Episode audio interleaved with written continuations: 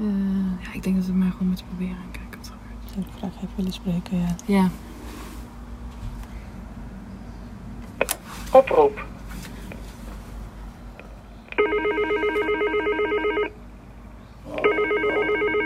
Uw Hallo? oproep wordt niet beantwoord. Oh, hier. Hallo. Goedemorgen. Goedemorgen. Uh, ja, graag. Moet u nog een keertje bellen? Ja. Oké. Het is eind augustus. Het is een zonnige dag en we staan voor een kleine seniorenflat in het Limburgse dorpje Roggel. Want na alle gesprekken met de slachtoffers van René gaan we nu eindelijk bij hem op bezoek. Even kijken. Eerste verdieping. Eh, yes. Dan gaan we de trap kunnen. We hadden niet zijn telefoonnummer, maar wel zijn adres. Dus we staan hier nu onaangekondigd voor zijn deur. Deze?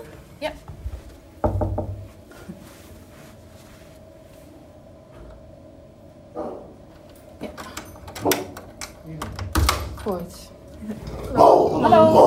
Ah, kijk eens. Hoi. Warm welkom. Eh, het is een beetje een eh, vreemd verhaal misschien. Ehm, maar wij wilden u graag spreken. Waar, bent u van? Ja, wij zijn van de Volkskrant. Ehm, en wij zijn, nou ja, we hebben wat gehoord over de Kung Fu groep die u jarenlang eh, heeft begeleid en geleid. En eh, nou ja, we zijn eigenlijk ook geïnteresseerd eh, om u daarover te spreken. Tuurlijk. Ja. Ik heb geen geheimen. Oh, oké. Wilt u binnenkomen? Ja, als graag. Ja, Ik graag. zal eventjes de hond... eh, Ja. Prepareren. ja, ja, Hij doet niks, Nee. maar we moeten hem gewoon even niet aanraken. Nee, oké, dat is goed. Je hoort de American Bully die achter René staat, voor de deur van de woonkamer. Nee, niet raken. Niet doen, niet doen. is goed voor ons. Zo. René zelf die ziet eruit als een vriendelijke bejaarde man. Hij schuifelt meer dan dat hij loopt en zijn ogen tranen licht van ouderdom. Maar er is iets aan zijn uiterlijk dat een beetje bevreemdend is. Je rustig gisteren? Ik had hem gered uit, eh oh, uit Kosovo. Ja? Pas als ik al een tijdje tegenover hem zit, zie ik wat het is. Hij is helemaal kaal en hij heeft haar op zijn hoofd getatoeëerd. Over heel zijn schedel staan kleine zwarte puntjes. Zijn hond is inmiddels rustig gaan liggen. Naast mij, dus die kun je af en toe nog wat horen kauwen op de Ik achtergrond. er niet weg, want hij was veel te goed. Ja. Toen heb ik eh, als leek zijnde heb ik hem op moeten scholen en socialiseren. Dat Ja. niet mee, want ik, eh, ik, eh, doe het uit liefde en niet Ja. uit, eh, uit eh, gewin of zo. Dat je er iets mee wil als uh, fokker, zeg maar. Nee. Ja. Nee. Dus ik heb hem nu zo'n negen jaar Oh, oké. en gesocialiseerd. Maar als, Ja. hij, als hij iets vast heeft, laat hij het niet meer los.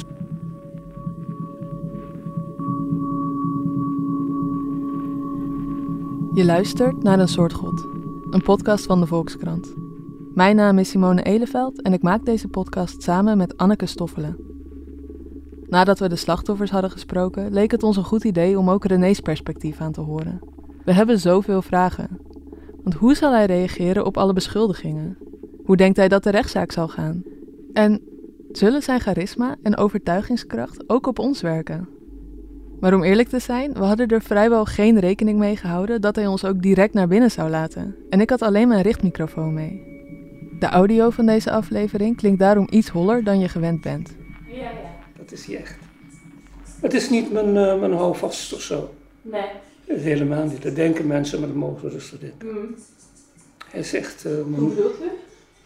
Nou, kijk, het is niet eens ingericht voor een visite, dat is bewust. Mhm. En eh, ik kan het prima zo. Ik ben altijd solistisch geweest. Behalve toen ik die groep leidde. En ehm, ik ben niet eh mensen onvriendelijk of zo. Maar ik hoef, de, ik hoef de mensen niet om me heen. Maar eh, kunt u iets vertellen over... u bent dan die training gaan geven en die heeft die groep eigenlijk om zich heen verzameld hè, op een gegeven moment. Kunt u iets vertellen over hoe dat is ontstaan? Tuurlijk. Nou, Sorry, de, even, sorry, ik, zei voordat u begint, ik merk nu pas dat er een tv aan staat. En dat is voor de audio niet heel gunstig. nee, natuurlijk niet. Maar dat is, ook, dat is ook niet mijn gewoonte hoor. Om aan te laten staan als er bezoek is. Maar ik krijg zo geen bezoek. En that's why. Nou, op een gegeven moment ehm, werd ik min of meer door mijn ex in deze hoek gedreven van doe iets, ga eh, voor je kost zorgen daar waar je hart is, Dus uh, lesgeven onder andere. En uh, ook tai chi, dat hele langzame. Ik wil het gewoon niet, want ik, ik, ik, ik, kom niet graag onder de mensen. Niet omdat ik schuw ben, maar gewoon, ik vind het onzinnig. Ik, uh, gesapige gesprekken en zo. Ja, dat is voor een andere prima. Voor mij is het nooit prima geweest. In mijn jonge jaren al niet. Ik moet een gesprek hebben wat, wat, wat, wat draagt, wat, wat iets brengt. Nou, in eerste instantie was het natuurlijk lichamelijk. Want uh, in Nederland bestaan er geen vechtkunsten. En het is geen uh, verwaandheid. Maar ik geef geen uh, vechtsport, geen vechtkunst. En dat kon ik niet, dat kon ik niet coördineren. Want de vechtkunst zit in elkaar door uh, theorie en filosofie. En die theorie en filosofie is gebouwd door het boeddhisme. Zo herkende ik na verloop van tijd, na honderden leerlingen, hier die mensen die aan mij bleven kleven, op hun verzoek hoor, niet op mijn verzoek. Het, het, het verhaal is anders gedaan, omdat er is veel laster. En die verdedig me niet eens. Men moet maar geloven wat men wil. Maakt mij niet zoveel uit. Ik, ik verdwijn hier ook, zoals iedereen. En dan laat ik het achterna. U vindt het niet heftig dat uh, andere mensen het anders zien? Jawel. Ik ben ook maar een mens natuurlijk. Maar ik vind het niet zo heftig als andere mensen dat zien. Het, maar uh, heeft u zich nooit afgevraagd waarom andere mensen uh, toch met zoveel pijn rondlopen uit die periode? Ja, door onbegrip. Door onbegrip? Ja, ze, men, men, heeft zich nooit bij mij aangesloten aan mijn, aan mijn, uh, aan mijn hartsperikelen, wat, wat boeddhisme dus is. Nee. U heeft geen twijfel? Ik heb geen twijfel. Absoluut niet. Nee? Nee. Oh, want er is toch een flinke groep die toch meent trauma te hebben opgelopen in die periode. Het valt mee. Het is allemaal. Ze, ze hebben natuurlijk wel pijn. En, uh, maar niet blijvend. Alles is opgerakeld door één uh, figuur. En dat, dat is een junk. Wel, wel, wel, zielig, maar het is een junk. En nog steeds een uh, pijnstillers en zo. En, een, Wie bedoelt u? Een paddenstoelen. Uh, Joris Rietveld. Maar ik wil eigenlijk met u vertellen over... Ik uh, ging trainingen geven in Kung Fu en Tai Chi. Hij zegt, ik heb door de jaren heen honderden mensen daarin opgeleid. maar een aantal mensen bleven hangen, om het zo te zeggen. Ja, op eigen verzoek. Want ik had het liever niet. Ik, uh, je, raakt, je raakt verstrooid in zoveel. En, uh, divided into, into so many pieces. En uh, dat had ik helemaal geen zin in. Ik was ook al te oud en ik wilde me, mijn streven, en dat wil ik nog. Ik ben gewoon op mijn pad teruggekomen door dwalingen, veroorzaakt door hersenbloedingen, kleine hersenbloedingjes. En, en daarom dat ik hen zo heb behandeld. Want wat bedoelt u daarmee? U heeft hersenbloeding gehad? Ja. En wat is daardoor gebeurd? Hersenbloedingjes, uh, niet één, maar een stuk of 7, 8, 9. Mm-hmm. Mijn karakter veranderd. Als het, daar kom even op terug. Als het goed ging, ging het goed. Als het slecht ging, ging het slecht. Maar dat slechte is beperkt gebleven tot uh, klapjes in het gezicht. Dat is erg genoeg. Naar de regels hier in Nederland, naar de ethische regels. Dat heet dan mishandeling. Maar voor, en, en, de rest is achterklap en roddel en, en uh, intrige en uh, de rest, de hele rest. René heeft inderdaad een aantal kleine hersenbloedingen gehad. En hij is daarom ook verminderd toerekeningsvatbaar verklaard. Maar dus niet ontoerekeningsvatbaar. En inmiddels is hij veroordeeld tot 30 maanden gevangenisstraf. De rechters die achten onder meer het volgende als bewezen. Dat hij zijn slachtoffers met een zweep sloeg en met een hondenriem. Dat hij een kussen in hun gezicht duwde, hen gewurgd heeft. Hen bedreigd heeft met een hete kachelpook. Dat hij zijn slachtoffers liet bijten door zijn hond, degene die nu naast mij ligt. Dat hij lampenvloeistof over iemand heen heeft gegoten en dreigde die in brand te steken. En dat hij met vuist en vlakke hand in hun gezicht sloeg. Soms zo hard dat hun trommelvliezen scheurden René is tegen deze veroordeling een hoger beroep gegaan.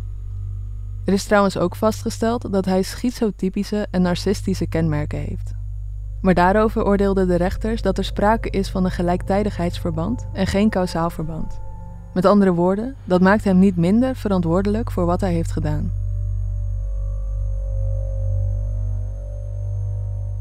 Er zijn momenten geweest dat u klappen in, een, in iemands gezicht heeft gegeven. Ja, dat, dat, dat zou ik, eh, dat, dat, daar word ik natuurlijk ook voor aangeklaagd. En dat is in Nederland is dat mishandeling.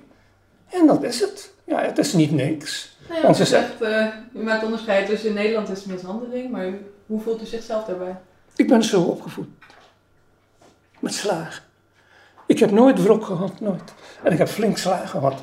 Maar nooit, nooit op een eh, onbehoorlijke manier. Geen, geen letsels en zo, die dingen.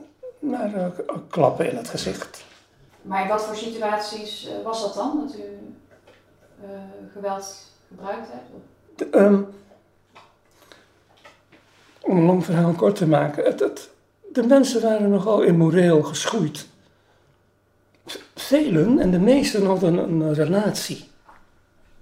Maar als je een relatie hebt, dien je daaraan te houden. En, en voor boeddhisten is dat. eh, da- da- daar doen we geen water bij de wijn. Je kunt niet maken dat je zo'n iemand stiekem of openlijk ontwricht, zo- zo'n relatie. Hè? Door, door, door, door stiekem vreemd gaan, door stiekem dit, door stiekem dat. En Ja. kunt u een voorbeeld eh, geven van eh, een situatie waarin u dacht, dit gaat immoreel eh, te ver en daarom moet ik iemand corrigeren? Daar- Ik ben nooit homofoob geweest. En nog niet. Maar er waren homoseksuele jongens met veel geld thuis. En voor die vaders was het van groot belang dat hun kinderen een, zoals dat heet, normaal seksueel leven leiden. Nou, en die verleiden zo'n meisje vanuit de groep. En, en, en, eh, met het feit dat ze niet zo homoseksueel waren en dat ze wel een relatie met hen eh, wilden. Gewoon voor het, eh, voor de imago.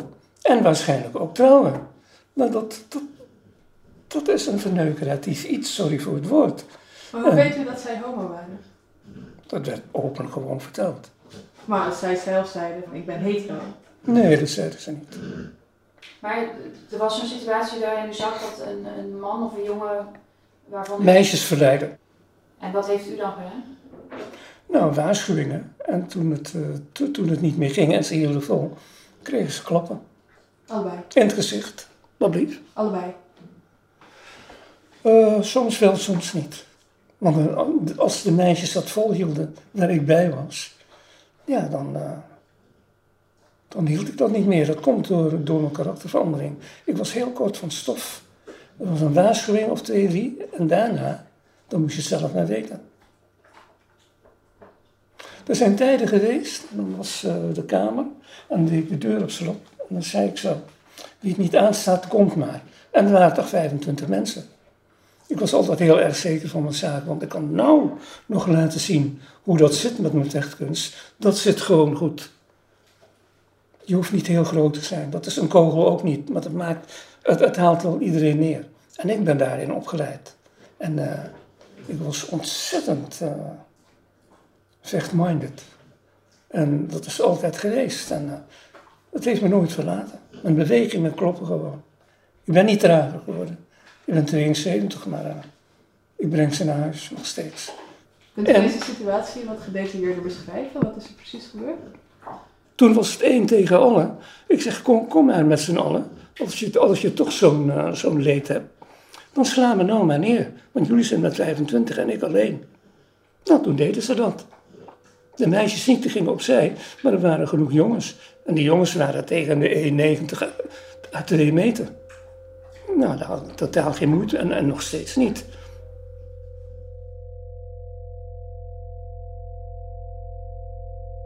Volgens de slachtoffers heeft dit nooit plaatsgevonden. Misschien had hij ze wel aangekund. We zullen het nooit weten, want niemand durfde het tegen hem op te nemen. En het is ons nooit duidelijk geworden waarom hij dit aan ons vertelde. Om op te scheppen over zijn vechtkunst? Om ons te laten weten waar hij toe in staat is, zodat wij niet te ver gaan? Of puur omdat hij graag de grens bewandelt? Twee dagen voor we deze aflevering wilden uitbrengen, probeerde René dat nog tegen te houden met een kort geding. En in de dagvaarding daarvan stonden ook een paar makkelijk te achterhalen leugens. Bijvoorbeeld dat Anneke en ik het seniorencomplex zouden zijn binnengedrongen met hulp van een andere bewoner. Er is niet veel bekend over secteleiders. Ze zijn natuurlijk manipulatief en dat maakt het lastig om wetenschappelijk onderzoek naar ze te doen. Wat we weten komt eigenlijk vooral uit de verhalen van slachtoffers. En daaruit weten we dat alle secteleiders opvallend veel op elkaar lijken. Ook al is hun geesteswereld moeilijk te peilen voor ons, hun gedrag komt zeer overeen. En zo weten we dat secteleiders te pas en te onpas liegen, ook als de waarheid vrij makkelijk te achterhalen is. Denk bijvoorbeeld aan het nepzwaard dat René aan Jeppe gaf. Hij kon daar makkelijk over liegen, omdat hij wist dat Jeppe niet zou durven om het te controleren. Op een bepaald moment maakt de waarheid gewoon niet meer uit, als je zo lang gewend bent dat mensen meegaan in jouw realiteit. En uh, zielig voor hen, want ik had ze wel erg lief hoor. Ik bedoel, uh, een boeddhist als ik ziet gewoon naar levens geleden en wat zij toen van mij waren. Dat waren liefhebbenden. En zo heb ik ze ook onthaald en uiteindelijk, na veel weigeringen, toch willen opleiden in mijn levensstijl. Dat is niet gelukt. Ze zetten zich altijd af als het ging op uh, ethische dingen en zo. En dan, dan, dan was het lichaam gewoon sterker dan de geest. Het waren mooie meiden, en nog, denk ik. En, en mooie jongens, en nog. En dat trok elkaar heel erg aan. Als je, en we hadden het heel gezellig hoor. We hadden daar uh, ruimte genoeg. Het was uh, door ons aangekocht, door, door, door mijn ex en ik. En zij waren er altijd welkom. Twee, drie dagen in de week was het echt een vuur in het midden. En zo. Maar ja, dat, dat, dat seksuele was altijd, altijd, altijd een heet hangijzer. Altijd. En dat bedierf alles. Ik heb mijn ethiek. Dat klinkt misschien zwaar en overdreven, maar ik zal hem laten zien wat, welke zaken een, een mens naar het licht kunnen brengen in plaats van uh, naar de duisternis. Want weet u wat het is? Die mensen, en als het meisjes waren ook, en, en dan hadden we zo een gesprek. En dan uh, begonnen ze te liegen. En leugens, dat doe je niet tegen hele goede vrienden. Naar mijn, naar mijn smaak waren het echt hartsvrienden en hartsvriendinnen. En hoe weet u dan dat ze liegen? Nou, gewoon uh, tegengesteld uh, redeneren. En terwijl ik wist van de hoed en de wand, zeiden ze nee, enzovoort. Echt, dat lag er dik bovenop, anders greep ik niet in. Lijkt het u terecht als uh, u vanwege die mishandelingen veroordeeld wordt? Ja, ik, ik vind persoonlijk dat ik mijn veroordeling wel, wel heb gehad. Die 17 dagen gevangenisstraf. Ik ben hier wegge weggehaald door, met tien man in, in de nacht, in de regen. Met alleen een, kort broekje en blote voeten en een t-shirt. Met een handboeien achterop. En, uh, en zo vervoerd naar Venlo. Daar wist ik ook niks van. En dit is een seniorenwoning. Je komt toch niet met tien man in een seniorenwoning uh, binnengevallen. Dus ik had totaal niet. Maar ik heb ook geen meelijn met mezelf. Maar ik, ik vind een veroordeling toch wel wat te hard. Dat er een straf moet komen. Een voorwaardelijke misschien, of boete. Of een, een taakstraf. Als dat tot de beoordeling hoort, oké. Maar een gevangenisstraf uh, heb ik al genoeg gehad, vind ik vind ik. Want deze dingen zijn gekomen door die hersenbloeding. En ik, had, ik, ik, ik, was niet bij machten om, uh, om me af te remmen. Gewoon totaal niet. Totaal niet. En ze hebben echt het bloed onder mijn nagels vandaan gehaald. Met uh, dat immorele gedrag waar ik bij stond. Nou, en dat zijn dan mijn vrienden. Maar waarom had u het gevoel dat u daar moest ingrijpen? Dat gevoel heb ik altijd bij vrienden. Voor, voor, voor, liefde, daar ben ik. En, dat, dat, is niet overtrokken of zo. Ik ben in staat om een leven te geven en ik heb geen waardeloos leven. Integendeel. Ik heb wat gedaan met mijn leven. Kijk, en ik heb nou volslagen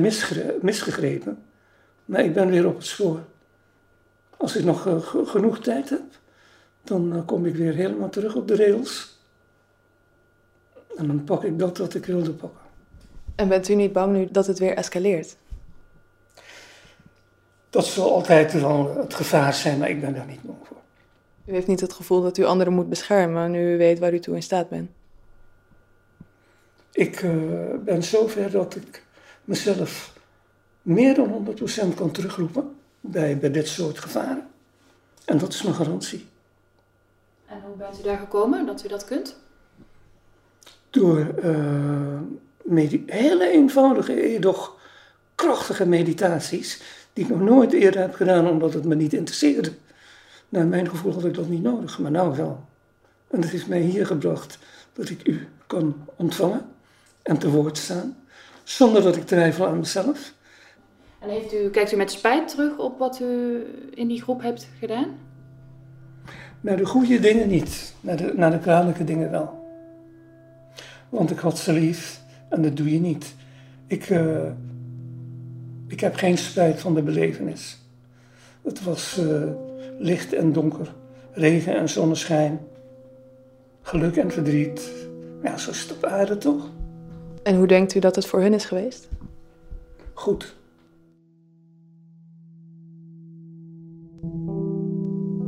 En we weten dus ook niet in hoeverre secteleiders in hun eigen leugens geloven. Maar misschien denkt René wel echt dat hij in staat was geweest om hen naar het licht te brengen. En dat alle mishandelingen in de weg daarnaartoe geoorloofd waren. Maar is het mogelijk om zelf iets in scène te zetten om je bovennatuurlijke gaven te bewijzen? Bijvoorbeeld Russisch roulette. En daarna zelf ook te geloven dat je die bovennatuurlijke gaven echt hebt.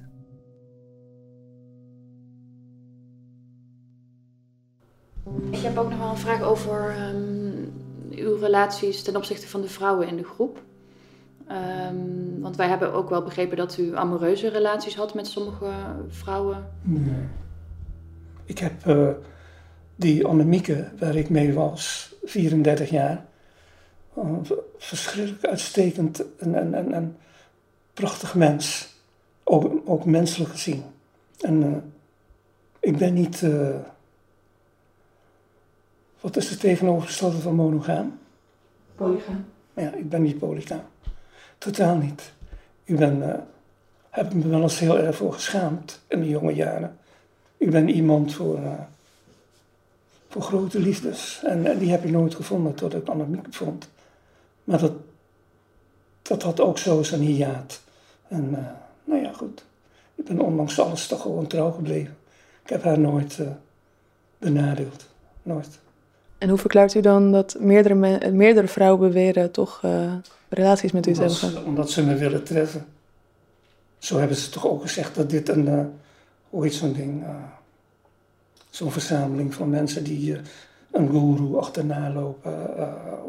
hoe heet dat ook alweer? Een secte. Daar treffen ze me mee, dat wisten ze. Want als ik ergens een hekel aan had, was, was het wel aan mensen die, die een secte vormden. eh, en, en veel wijverij en zo. En, eh, U heeft een hele andere ervaring van die periode dan de mensen die wij gesproken hebben. Niet hele andere, gedeeltelijk andere. Ik heb ze geslagen in het gezicht, open hand, paf, paf, paf. En de rest is achterklap. En intrige. Ik begrijp het wel. Ik weet hoe eh, Joris dat, dat doet. En eh, Joris, Joris heeft heel, veel mensen zo behandeld. En tijdens die mishandelingen, dat waren meestal avonden en dat escaleerde door, door, door, door, gewoon plat gezegd stom genuil. En, en d- daar kon ik niet zo best tegen. En toen al helemaal niet. Nou, en dan was het pats, pats, pats. Niemand van de jongens greep in. Niemand. Als er meisjes eh, in het gezicht werden geslagen, waar slaat dat op? En dat maakte me al helemaal eh, vurig en, en, en, en idioot. Maar de jongens bleven zitten. Maar u was degene die de meisjes in het gezicht sloeg. Ook. Het Ook? Wie nog Ja. meer? Jongens. Het begon met jongens. Kijk, het was een groep van jongens en meisjes. Maar dat is verder het enige, jongens en meisjes in het gezicht geslagen. Dat is die mishandeling. De rest is ook, eh, de rest is gewoon, gewoon eh, achterklap en roddel. En, eh, En hoe was die rolverdeling tussen mannen en vrouwen in die vriendengroep? in welk opzicht? Wat er van ze verwacht werd. ehm, ik weet niet, hoe, hoe is uw visie daarop? Is daar een verschil in? Of Nee. is dat voor u allemaal... Allemaal zoals de Nederlander dat ziet. Vrienden zijn vrienden. Zoals de fatsoensnormen van de Nederlanders en de Europeanen is opgebouwd. Boeddhisten zeggen niet vrouwen zijn het zwakke geslacht. Maar voor de rest beschouwen ze vrouwen zoals eh, de Nederlander, de Europeaan dat doet. En hoe is dat volgens u? Respectvol. En kunt u iets vertellen over de vrouwen die in, in jullie vriendengroep... Wat voor soort vrouwen waren dat? Gewone huisstijl en keuken, vrouwen, meisjes, met alle respect. Niks bijzonders, maar, dan- maar, die jongens ook, en, die hadden een handicap. En dat is eh, dat ze het ethische niet, niet, zo in het hart droegen. Alleen het praktische. En het maatschappelijke. En, en, en trouw en zo, daar ze heel, heel veel moeite mee. Of het moest de trouw zijn die ze aan mij bonden. Maar, maar, maar dat was ook beperkt. En ik, ik kwam gewoon niet verder. En zodoende heb ik het beëindigd. Heb ik eh, de groep ontbonden als zijnde de vechtkunstgroep. Kunt u wat vertellen over het moment waarop de groep eh, is ontbonden? Geen poeha. Gewoon, ik doe jullie niet meer. We zijn, we zijn en blijven vrienden. Maar het systeem van via het lichaam naar de geest doen we niet meer. Omdat het niet gaat en omdat het anders escaleert. En, want wat wij hebben gehoord is dat er een weekend was in de Ardennen, waarbij de vrouwen zijn samengekomen en eh, met elkaar spraken over misbruik. Ja, dat was onder leiding van mijn ex. En eh, tien dagen was dat. En daar wist ik niks van en ik was er niet bij. En eh, zo is dat gegaan. En verder kan ik daar niks over vertellen. Maar wat zou, uw ex daarvoor belang bij hebben om daar... Er zijn dingen die ik niet wil vertellen, omdat, het, eh, omdat ze mij nog steeds lief is. En als ik dat vertel, dan komt het natuurlijk in de openbaarheid. Anders moet ik het gewoon niet vertellen. Toch? Ik ben, ik ben consequent. En ik hou nog steeds van mijn ex. En daarom dat ik haar niet beschadig. Ook niet per ongeluk. Nou, voor ons is het, is het eh, moeilijk te rijmen dat we weten van een aantal vrouwen die hebben over ervaringen verteld met u. Op een lichamelijke manier. Eh, dat u, het enige antwoord wat u daar hebt gegeven, dat is niet gebeurd. Maar die, die verhalen zijn zo gedetailleerd en uitgebreid dat het moeilijk is voor te stellen dat dat allemaal verzonnen zou zijn. Ah, dat, kijk, de menselijke geest en zo, en eh, ook de menselijke hersenen, dat is toch niet zo moeilijk. Je, ver, je verhaalt het ene verhaal met het andere. Je ene ervaring met de een, eh, dat, dat, dat schuif je op de ander. En, er waren zoveel verhalen bij het vuur. En die, eh, dat is toch niet zo moeilijk. Fantasie, dat zie je de mens. En bent u wel eens verliefd geweest op een van die vrouwen? Nee, nooit. Nooit. Want ik kan me ook voorstellen als u zo intens samen bent in een groep dat dat soort dingen ontstaan. Ik ben niet verwaand, ik ben 72, ik weet eh, wat mijn grenzen zijn. Maar zij waren omgekeerd wel verliefd op mij. Of dat mijn imago was, omdat ik eh, niet zo groot ben, maar toch een geweldenaar in, in, in, in power en in gevecht. Dus ja, dat, dat, dat amoureuze gaat makkelijk. En bij hen, ging het sowieso makkelijk. Ze, waren, ze werden makkelijk verliefd. En eh, de jaloezie van de jongens, dat ze stiekem of openlijk verliefd waren op mij, dat, eh, dat, dat, dat deed ook eh, onze vriendschap vaak de aan. En, en hoe merkte u dat, die verliefdheden van die vrouwen? Die, die, die verborgen dat niet. Zelfs niet als mijn ex erbij was. Het was niet altijd koek en ei. U weet hoe, dat denk ik wel, u weet hoe jaloers vrouwen kunnen zijn. Veel erger dan mannen. Ik hoor u wel, ehm, in veel van deze situaties heeft u zelf niet een hele grote rol. Alles overkomt u. Dat is ook voor ons apart om te horen, aangezien wij nogal een dominant beeld van u hebben gehoord uit andere verhalen. Ja, dat is, dat is niet gek, want jullie zijn nog nooit bij mij wezen eh, praten, redeneren. En dit is de eerste keer. Dus nou krijgt hij eh, de voeding van de andere kant. Maar u zegt, deze vrouwen waren verliefd op mij. Ik heb geen seksuele relatie met ze gehad, in tegenstelling tot wat zij zeggen. Eh, de mishandelingen waarover we hebben gehoord, die, zijn, die gingen ook wel wat verder dan wat u beschrijft. Een jongen die, waarvan u meent dat hij homo was, die meent zelf geen homo te zijn. Maar u zegt dat wist hij niet goed van zichzelf of hij dat is, ontkende dat dat. is niet eens één jongen, er waren er een paar. En bij mij waren ze gewoon allemaal welkom. Wat maakt mij nou uit eh, wat je voorkeur is? Maar als je daar dus een van die meisjes eh, probeert te strikken alleen maar voor je imago of voor je papi, tja, dan kun je toch niet gaan blijven toekijken? Ik niet. Maar want ik eh, beschreef net een aantal situaties waarin mensen menen door u beschadigd te zijn.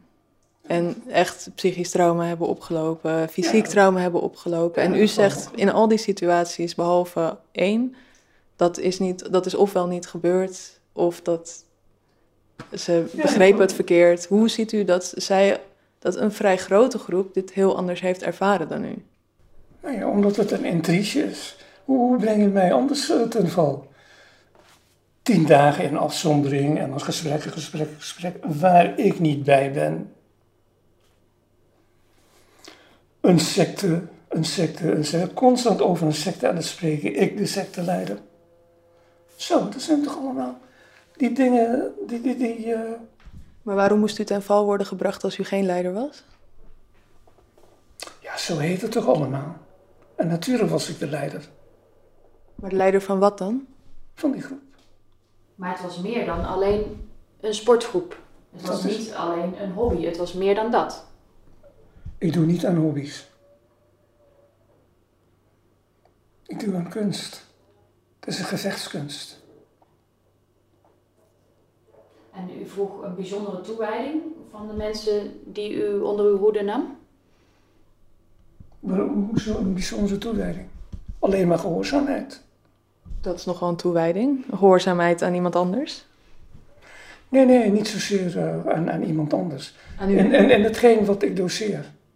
De bewegingen. Maar dat ging verder dan alleen die bewegingen, want het ging ook eh, over hoe zij hun leven leiden, als ik het goed begrijp. Ja, natuurlijk. Want waarom is dat natuurlijk? Omdat dat hoort bij hetgene wat je belooft. Als je eh, rein blijft in gedachten, woord en daad. En daar stoelt alles op. In die niet? zin werd er dus gehoorzaamheid eh, van hen verwacht op alle levensgebieden aan deze leer. Nee, net- net zoals ik dat zeg. Rein in gedachten, woord en daad. En als dat de gehoorzaamheid is, dan is dat de gehoorzaamheid. Maar dat heeft een enorme impact op hoe mensen hun leven kunnen leiden. Ja, als je hier eigenlijk niet voor geboren bent. En, en, en die angst had ik al. Dat ze totaal niet eh, voor, dit leven geschikt waren. Maar het deed me pijn om elke keer het te weigeren. Maar dat heeft hiertoe geleid. Maar ik hoor nu ook wel weer een incident waarin u zegt: Ik heb hier zelf geen rol in gehad. Zij vroeg aan mij: Wilt u mij leiden? Mijn vrouw of mijn ex heeft mij daartoe aangezet. Mijn ex heeft eh, deze mensen ertoe aangezet om negatieve verhalen over je te verspreiden, evenals Joris Rietveld. Hoe ziet u uw eigen rol in dit geheel? Ja, ik heb een, ik heb een leidersrol. Ik, ik, ik zou hen geleid hebben naar eh, dat wat ze in mij zagen. Maar wat zij vooral zagen was het lichamelijke. Niet, eh, niet het geestelijke. Maar ze waren me gewoon lief. En ik hen ook. En eh, deze achterklap, deze beweringen, aange- aangevoerd door Rietveld, ja, ik, ben- sta niet eh, verbaasd. Het had nog erger kunnen zijn. Maar dan was Rietveld zijn leven geëindigd. Dat zeg ik u. Door mij. Ja, ik sta nog steeds achter. Hij kan niet te ver gaan. Echt niet. Want ik doe hem niks. En hij blijft maar aan de gang. Maar dit is wel een heel duidelijk dreigement aan zijn adres wat u nu doet. Nou ja, wat het ook is. Ik meen het. Hij is, is veel te ver gegaan.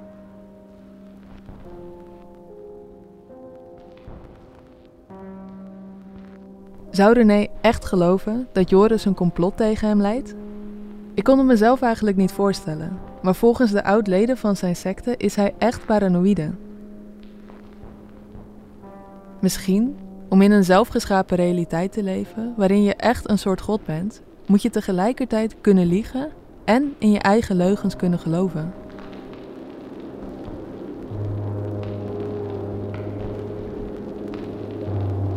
Ik ben mijn, mijn, mijn- spullen kwijt. Ze zijn hier binnen komen vallen. En, en, en één hond ben ik kwijt. En dat gaat zomaar door. Rietveld kon niet aan de gang blijven. U voelt zich slachtoffer. Nee. Nee. Ik zit gewoon in een, eh, in een verkeerde hoek. Ik ben nooit een slachtoffer geweest. En dat zal ik ook nooit. Maar dit, dit, dit is gewoon penibel op dit moment. Het loopt af. Straks met het proces, dat hoop ik. Ik hoop dat de rechter eh, zodanig is dat hij eh, de dingen wik en weegt en ziet. Maar daar doe ik ook mijn best voor. Ik heb een goede advocaat. En dan zien we wel. Ja. Oké. Nou, dank u wel voor uw tijd in ieder geval. Anytime. Dus, eh, Ik waardeer dat zeer, wat u doet. Helderend om eh, ook de andere kant van het verhaal te horen natuurlijk. Ik waardeer het zeer. En dank dat we zomaar even mochten Oh, binnenvallen. nee, nee. Dat, eh, dat, is, dat is logisch bij goede mensen. Ja, oké. Nou, Dank u wel. wij hebben elkaar gegevens en eh, mocht er nog iets zijn, dan eh, kunt u contact eh, met ons opnemen. Graag. Dank u wel. Ik ben wel dankbaar. Waar komt u vandaan als ik vragen mag? Amsterdam. Is er een stukje rijden? Ja, nou wel leuk hè. Het is, gunstig weer. Ja. Ook al hadden we van tevoren nooit gedacht zo lang met René te kunnen praten, stiekem ben ik teleurgesteld. Ik had eigenlijk op meer gehoopt. Meer van zijn charisma te voelen en van zijn overtuigingskracht. Er was eigenlijk tijdens ons hele bezoek maar één moment waarop ik dacht de oude René te zien. En dat is hier. We kunnen waarschijnlijk ook goed met elkaar overweg, dus Zeker. gezellig in de auto. Ja. Anneke en ik kunnen het goed vinden. En voor een fractie van een seconde raakte het iets in mij dat hij dat zag. En als ik niet had geweten wie hij was en wat hij allemaal gedaan had, dan was dat nu het gevoel geweest waarmee ik was weggegaan. Bedankt hoor. Ja, dank u wel. En, eh, nog een fijne dag. Nou, veel sterkte Goede in oktober. Ja. Dank u wel. Goed. hoe Kijk, kwamen we? Oh, daar. Hoe kwamen we vandaan, hè? Ja. Rechts, is de lift. Ja, oké. Dank u wel. Tot ziens. Ja.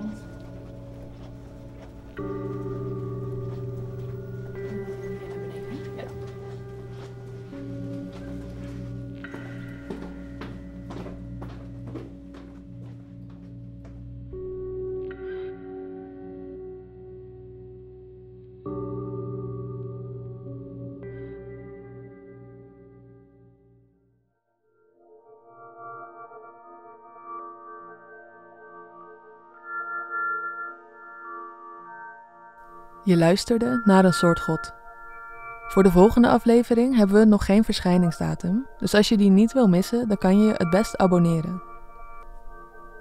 Mijn naam is Simone Eleveld en ik maak deze podcast samen met Anneke Stoffelen. De muziek is gemaakt door Michel Banabila en Rutger Zuiderveld. Het sounddesign is gedaan door Mona de Brouwer. Ons logo is ontworpen door Matteo Bal en Titus Knechtel. Communicatie door Emilie van Kinschot en eindredactie door Corine van Duin en Kevin Goes. Met dank aan Anieke Kranenberg, Jens van den Brink, Mark van Breda en Nienke de Visser. Een soort God is een productie van de Volkskrant. Wil je onze journalistiek steunen? Overweeg dan een abonnement. Daarvoor ga je naar volkskrant.nl/slash abonnement. Dankjewel voor het luisteren.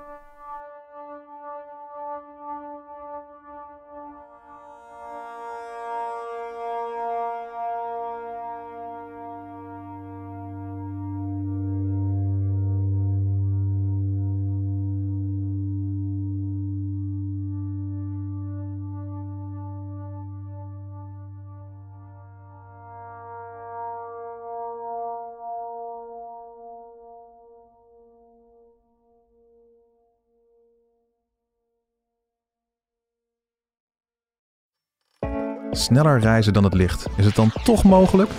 Met welke radicale uitvindingen kunnen we klimaatverandering stoppen? En hebben dieren eigenlijk ook een gevoel voor humor? Ik ben Tony Mudde, chef van de wetenschapsredactie van de Volkskrant. En deze en andere vragen beantwoorden we in de wetenschapspodcast Ondertussen in de Kosmos.